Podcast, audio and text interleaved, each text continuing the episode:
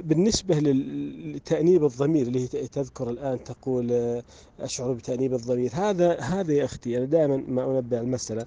هذا ما هو بتأنيب ضمير. هذا تأنيب الشيطان متقمصا دور الضمير.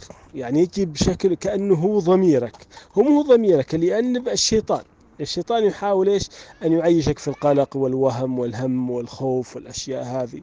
الله عز وجل ما ما يأمرك بمثل هذه الأمور. هذه يعني هذه أمر الشيطان وليست من تأنيب الضمير بشيء. تأنيب الضمير إذا إنسان أخطأ خطأ فادح قتل إنسانا شرب الخمر آه، فعل فاحشة أشياء أشياء معروف حرمته.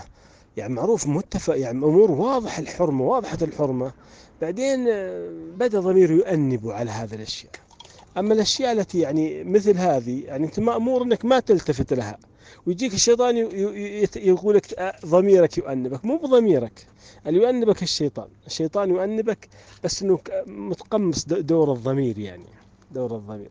لا تلتفت لهذه الخرافات والترهات كلها. في أمان الله.